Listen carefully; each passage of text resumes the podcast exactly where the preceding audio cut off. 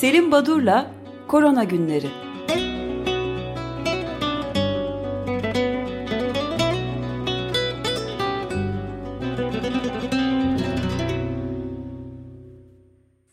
Günaydın Selim Badur, merhabalar.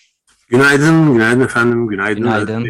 Günaydın Feryal, herkese, tüm dinleyicilere iyi haftalar dileyerek başlayalım. Başlayalım diye böyle enerjik, coşkulu başlamaya niyetliydim ama bendeki haberler de çok parlak değil yani. Sizin e, COP26'dan verdiğiniz haberlerden pek farklı değil. E, yani çok çarpıcı olarak ortaya çıkan durum e, ister e, iklim sorunları olsun, ister e, böyle bir küresel bir salgın, bir pandemi dönemi olsun.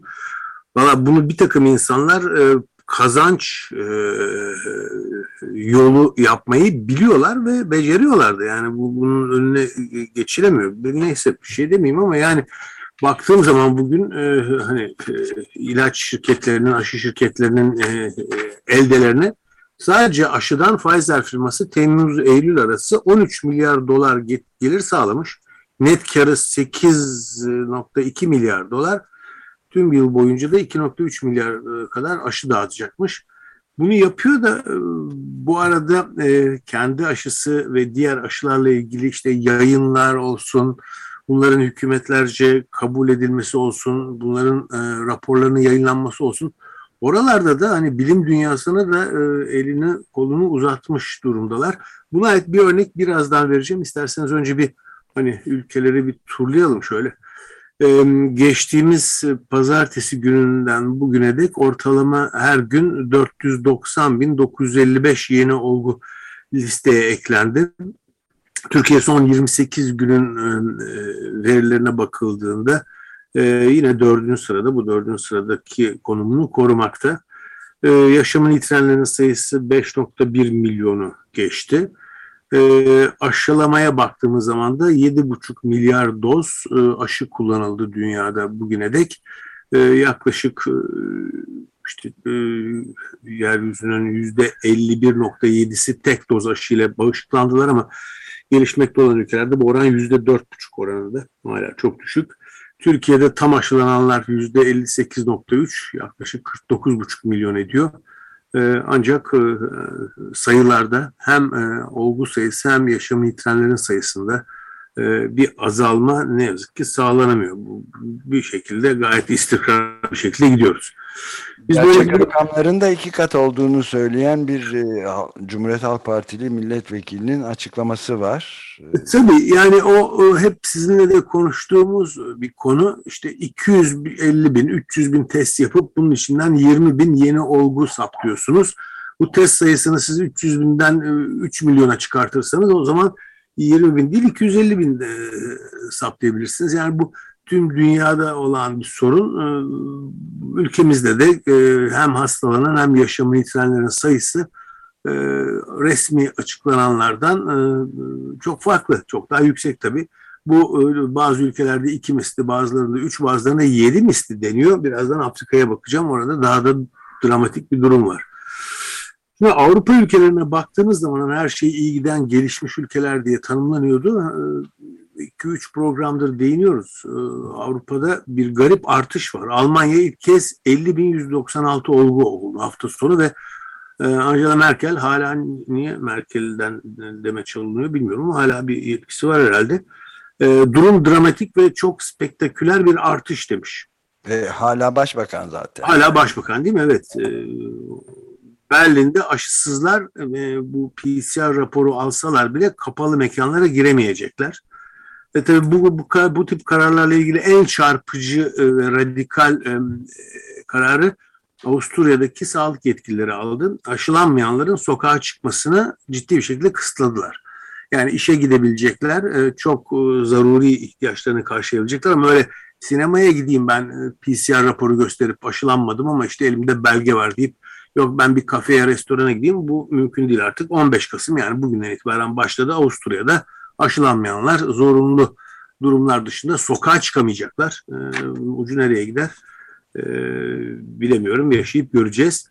Fransa günde 11 bin olguyu geçti. Ee, Hollanda e, rekor olgu 16 bini geçti Hollanda'daki olgu sayıda. Kısıtlamalar, yasaklamalar tekrar geri geliyor Hollanda'da. Açılmıştı Hollanda, Hollanda Danimarka ile birlikte.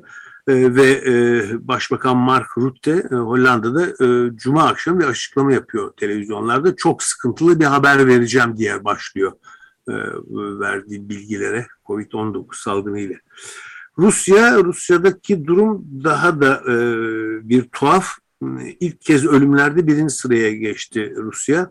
Yeni rekor 41 bini aştı. Daha sonra 50 bini geçti Rusya'daki sayılar. Hafta Bu sonu. vaka sayısı. Evet. 1188 yaşamını yitiren kişi var. St. Petersburg zor durumda. Ee, ve e, St. Petersburg'da 60 yaş üstü ve kronik hastalığı olanlara öyle yani aşı falan e, önerilmesi söz konusu değil. Zorunlu aşı getiriliyor artık yani. Evine gidip adamın e, kabul etse etmesi de tutup aşılayacaklarmış St. Petersburg'da. Öyle mi? Çok çarpıcı bir şey bu da. E, bir de e, Amerika Birleşik Devletleri'nden bir şey vardı.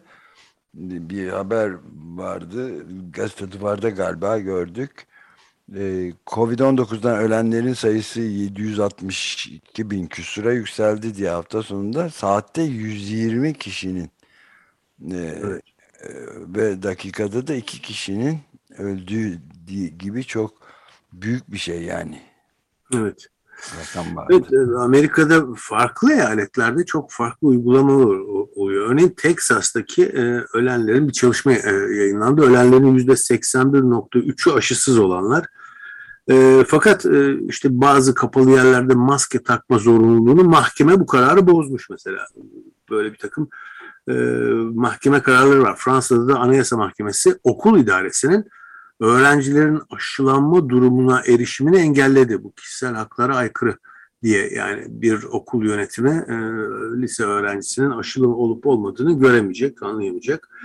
E, biraz önce Rusya ve St. Petersburg'dan bahsetmiştim zorunlu aşı. Buna doğru yavaş yavaş farklı ülkeler, farklı grupları hedef alıp e, bu tür kararlar almaya başladılar. E, örneğin e, İngiltere, İngiltere'de sağlık çalışanlarına zor, zorunlu aşı getirildi. Amerika'da 10 eyalette vardı bu karar. Çünkü 1.3 milyon sağlık çalışanının yaklaşık 100 bini aşılanmamış henüz.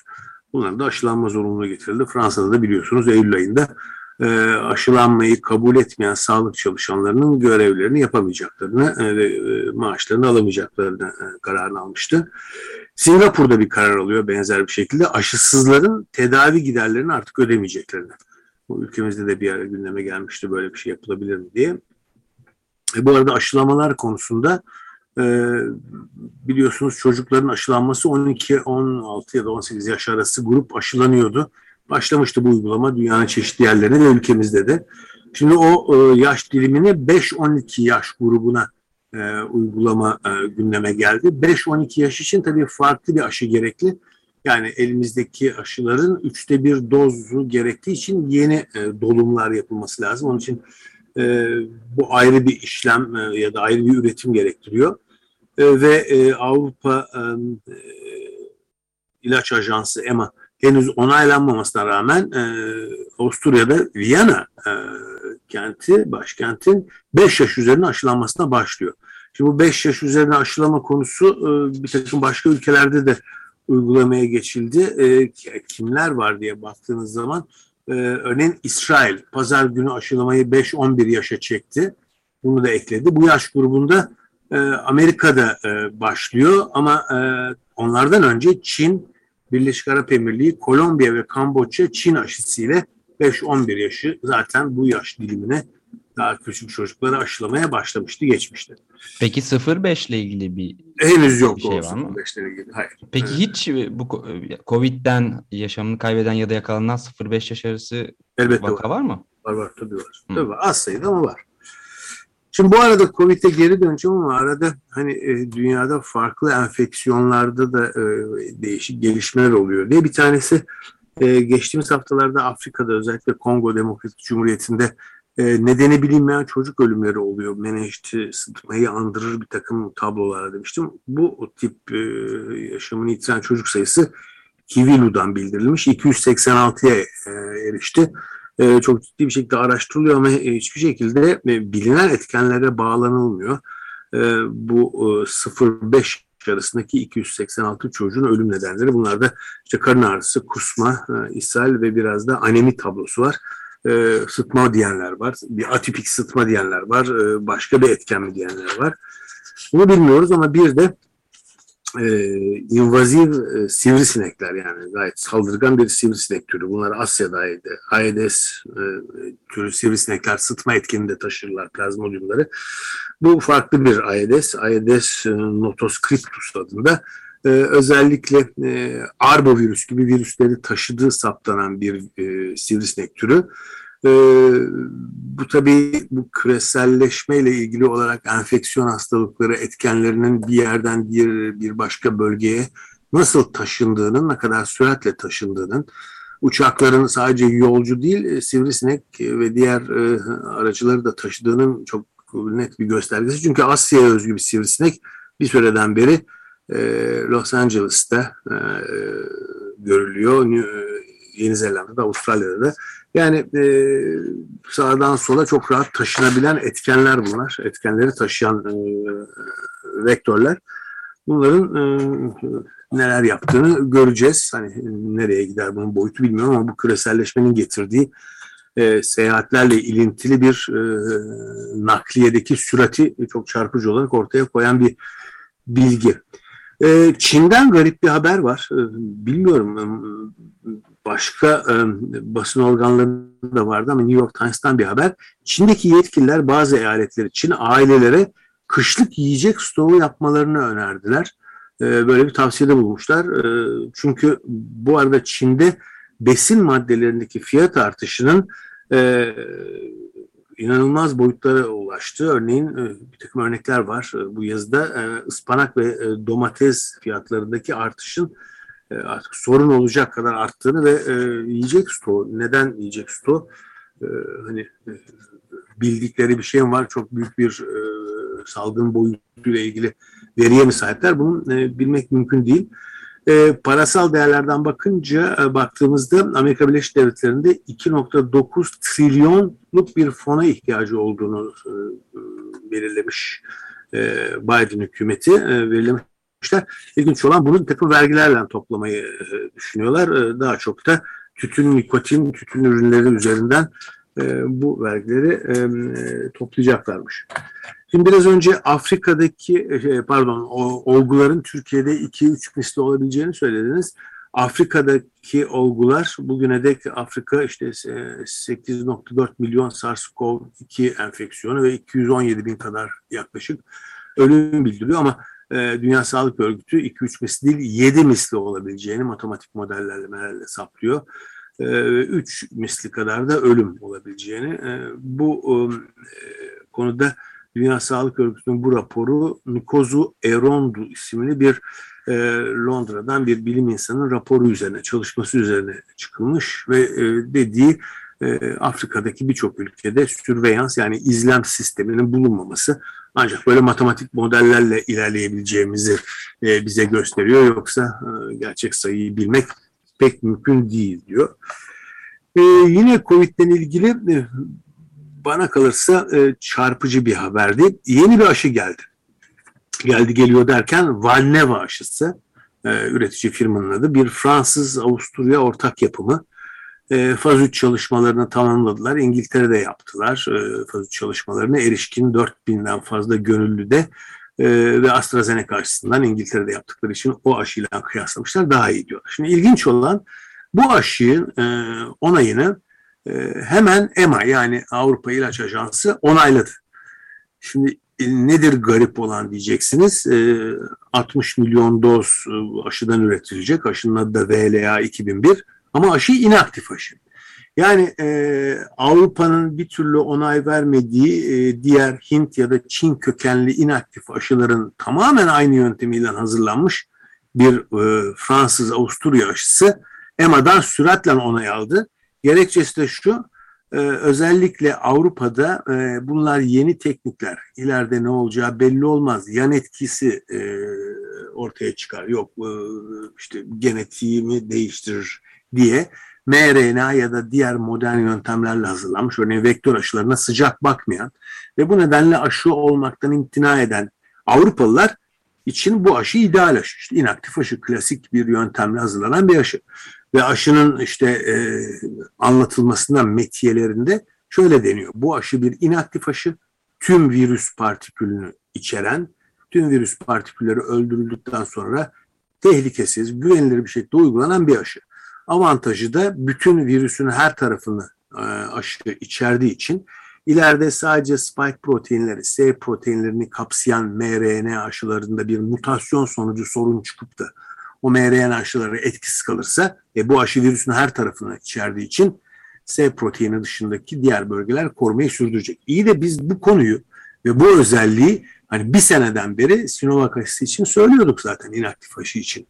Ama birdenbire Fransız ve Avusturyalılar üretince Valneva aşısı ya da inaktif aşı e, kıymetlendi. Hisseleri de %25'ten fazla artmış Valneva aşısı. Ufak bir e, ilavede bulunayım izninizle. Yani e, bu esas olarak iklim e, meselesiyle de tamamen aynı şey aslında. Yani doğrudan doğruya zengin ülkelerin, zengin ve varlıklı ülkelerin açıkça e, yoksul kesimler için düzenledikleri bir şey gibi görünüyor. Bu, bu konuda çok e, birçok yazı çıktı. Joao Camargo'nun bir mesela kapitalizmin tek planı iklim için çöküştür diye. Drill baby drill diye bir yazısı çıktı ya da e, çok dünyanın önde gelen iklim bilimcilerinden Kevin Anderson açıkça gelir dağılımı adaletsizliğin iklim acil durumunu kat be kat arttırdığını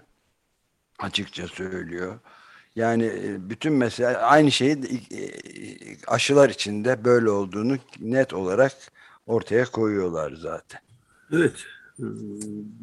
Bütün bu bitenler bir yana ee, tabii e, bilimsel çalışmalarda da hani COVID'in e, önemini ya da farklı boyutunu beyni ve kalbi nasıl etkilediği yavaş yavaş e, mekanizmaları gösterilmeye başlandı. COVID etkininin işte e, özellikle hafıza kaybı, yorgunluk, e, zihin karışıklığı, ayrıca e, akut bulguları da var. Paranoya, halüsinasyon görme gibi.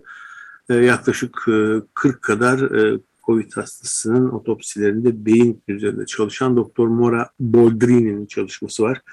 Önemli bir çalışma. E, kalpte nasıl hasar yaptı, nelere yol açtı, e, Nature Review of Cardiology'de yayınlandı. Satterfield ve arkadaşları perikardit, miyekardit yani kalp kası, kalp e, zarı, iltihapları, e, sistolik disfonksiyon yani kalp ritminde bozukluk, e, aritmi, tromboz, pulmoner emboli gibi inmelere kadar giden kalp ve e, beyindeki hasarlara ait e, mekanizmaların ortaya çıktığını görüyoruz. Bu arada ufak bir çalışmada ilginç olabilir.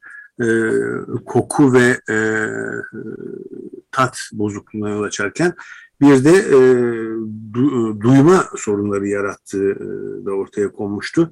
Gerçekten de e, inner ear ya da e, iç kulak e, e, tuttuğu ve iç kulakta hasar oluşturduğu da gösterildi yeni yayınlanan bir çalışmada. Ee, şimdi bütün bunlara bakarken bu gebelerle ilgili epeydir e, konuşacağız konuşacağız diyorum. Bari bu programda biterken e, bu gebeler konusuna e, bir göz atalım. Şimdi gebelerin aşılanması önemli. Batı ülkelerinde biraz daha cesurca ama ülkemizde gebelerin aşılanmasında ciddi biçimde hem gebeler hem de hekimleri, kadın doğumcuların bir tereddütü var. Bunun böyle olmaması lazım. Nedenleri çok net olarak bilimsel çalışmalarla ortaya kondu. Bir kere Gebeler daha duyarlı değil. Yani gebe olduğunuz zaman COVID'e daha e, sık maruz kalıyorsunuz. Böyle bir şey yok. Normal toplumdaki e, hastalığa yakalanma riski kadar gebeler de aynı riskteler. Daha şiddetli mi geçiriyorlar hastalığı? Hayır değil. O da e, gebelik bir e, büyük risk oluşturmuyor COVID açısından. Peki neden aşılansınlar? Yeni doğacak bebekleri için. Çünkü özellikle e, plazentaya etkisi var ve plazentanın işlevini bozarak erken ya da ölüm doğuma e, yol açabileceği iddia ediliyor. E, bu nedenle e, örneğin e, İngiliz... Covid'in değil mi aşının? Evet, evet, evet. Hayır, Covid'in kendisine yok aşının olur mu? Onun için aşılansınlar e, için gerekçeler bunlar.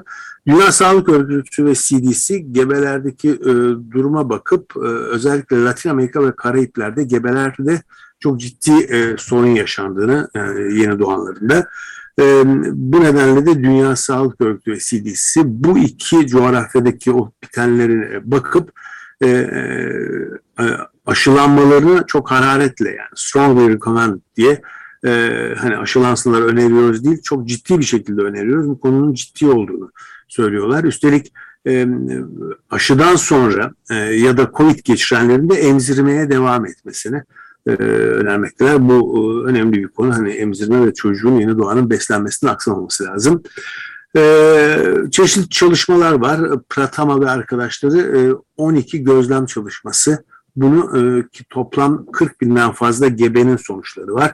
Burada aşının ne kadar etkili ve güvenilir olduğunu gösteren çok büyük bir seri. Önemli. E, benzer çalışmaların sayısı çok fazla. Nature dergisinde, Nature serisinde, Nature Medicine'de çıktı örneğin. Dagan ve arkadaşlarının, Augustin ve arkadaşlarının, Karbanda ve arkadaşlarının e, örneğin aşıdan sonra aşıya bağlı olarak düşük filan gibi bir sorun yaşanmadığını e, gösteriyorlar. Ee, yine e, Nature Immunology dergisinde de Sapah Gi ve arkadaşları gebelerin SARS-CoV-2 enfeksiyonuna yakalanmaları sonucu neonatal immün sistemi yani doğacak bebeğin immün sisteminde bir takım bozukluklar oluyor diyorlar. Kısacası gebenin kendisinde hastalık ağır seyrediyor mu? Evet buna ait de bulgular var fakat bundan daha önemlisi yeni doğan bebekte e, bir takım e, sorunlar olacağını e, buna karşın aşının çok güvenilir olduğunu, aşının herhangi bir e, düşük erken doğum, düşük ağırlıklı doğum gibi sorunlara neden olmadığını gösteren e, çalışmalar yayınlandı. Bu da önemli bir bilgi. Yani gebelerin ülkemizde de Sağlık Bakanlığı da bunun altını çiziyor, ısrarla vurguluyorlar. Aşılanmalarında hem yarar var, oldukça da gerekli bir konu. E, işin biraz daha ekonomisiyle ilgili bir örnek. E, Avrupa'da endüstriyel üretim e, Ağustos'ta %1.7, Eylül'de de buna ilaveten %0.2 azalmış. En büyük darbeyi de otomobil sanayi, otomobil sektörü e, şey darbeyi. Ee, örneğin 3 Kasım'da Volvo şirketi Çin'e ihracatlar üçte bir azaldı, Avrupa'ya satışlarımız yüzde 21 azaldı demiş. Şikayet ediyor Volvo. Ee, çünkü araba üretimi e, azalıyor. Yani insanlar satın almadığından değil de e, araba üretimi e, yedek parçası işte fabrikalar kapandığı için ya da işte fabrikalara yeterince görevli işçi çalışmadığı için yetiştiremediklerinden fabrikalar yavaş çalıştığı için. benzer şekilde Volvo 1 Kasım'da Skoda Haziran ayından beri de Mercedes üretimlerini düşürdüklerini söylediler. Toplamda 7.7 milyon ünite az üretilecekmiş. Ünite dediği herhalde araba sayısı diye düşünüyorum. Ee, tabii insanlar neyle uğraşıyor? Bir kısmı araba üretemedikleri için hayıflanırken Uganda'ya bakıyoruz. Uganda'da da öğrencilerin üçte biri e, ki okullar hala e, açılmamıştı bir yıldan fazla bir süredir Uganda'da yeni yeni açılması gündeme geliyor. Üçte biri okula dönmeyeceklerini e, öğrencilerin üçte birinin okula dönmeyecekleri saptanmış. Bu da önemli bir e, hani eğitimin nasıl aksadığı, yine yoksul kesimlerin bu işten nasıl e, etkilendiklerinin bir e, diğer göstergesi diye. Evet, hem sağlık hem de eğitim açısından. Evet, evet. Yani, şey diyorlar yani evet. ekonomik olarak olduğu kesin zaten de işte bu üç açıdan çok ciddi bir yıkım var yani. Sorun evet evet yani tüm dünyada bu sorun e, sanıyorum e, bu sorunu ve pandeminin e, doğrudan direkt sağlık alanında ve dolaylı yoldan işte eğitim, beslenme, ekonomi ile etkileri biz daha bunun tam boyutunu göremedik gibi. Hani gördüğümüz zamanda ne kadar önemsenecek bilemiyorum tabii ama bunu herhalde önümüzdeki yıl 2022'de biraz daha çarpıcı olarak e, gözlerine serileceğini görürüz. Özellikle gelişmiş ülkelerde başlangıçta vermeye çalıştım bu Almanya'da, Fransa'da, İngiltere'de, Hollanda'da olup bitenlere baktığımız zaman olayın boyutunun hani bir türlü kontrol altına alınamadığı, e, aşılamaya rağmen e, işte, önlemlere rağmen yine ekonomi ağır basıyor. Kısa bir sürede yetersiz bir süre sonunda açılmalar başlayınca bir süredir azalan e, olgu sayısının tekrar hızlan arttığını görüyoruz. Yani virüs e, hala pek üstesinden gelinemiyor gibi. Durum böyle. Evet. İşte burada durayım ben. Ipsos'un çalışmaları var. Ee, 20 bin kişi yaklaşık 28 ülkeden e, kime ve hangi kuruma güveniyorlar? İlginç bu COVID-19'da. E, isterseniz onu önümüzdeki hafta ondan başlayalım. Yani, doktora mı güveniyorlar, öğretmene mi, polisiye mi, politikacıya mı? E, komik bir takım e, sonuçlar çıkmış buradan. Bunları belki önümüzdeki hafta e, birlikte e, şöyle bir gözden geçiririz. Tamam peki. Çok teşekkür Evet, ben teşekkür ederim. İyi haftalar, iyi yayınlar. Görüşmek üzere.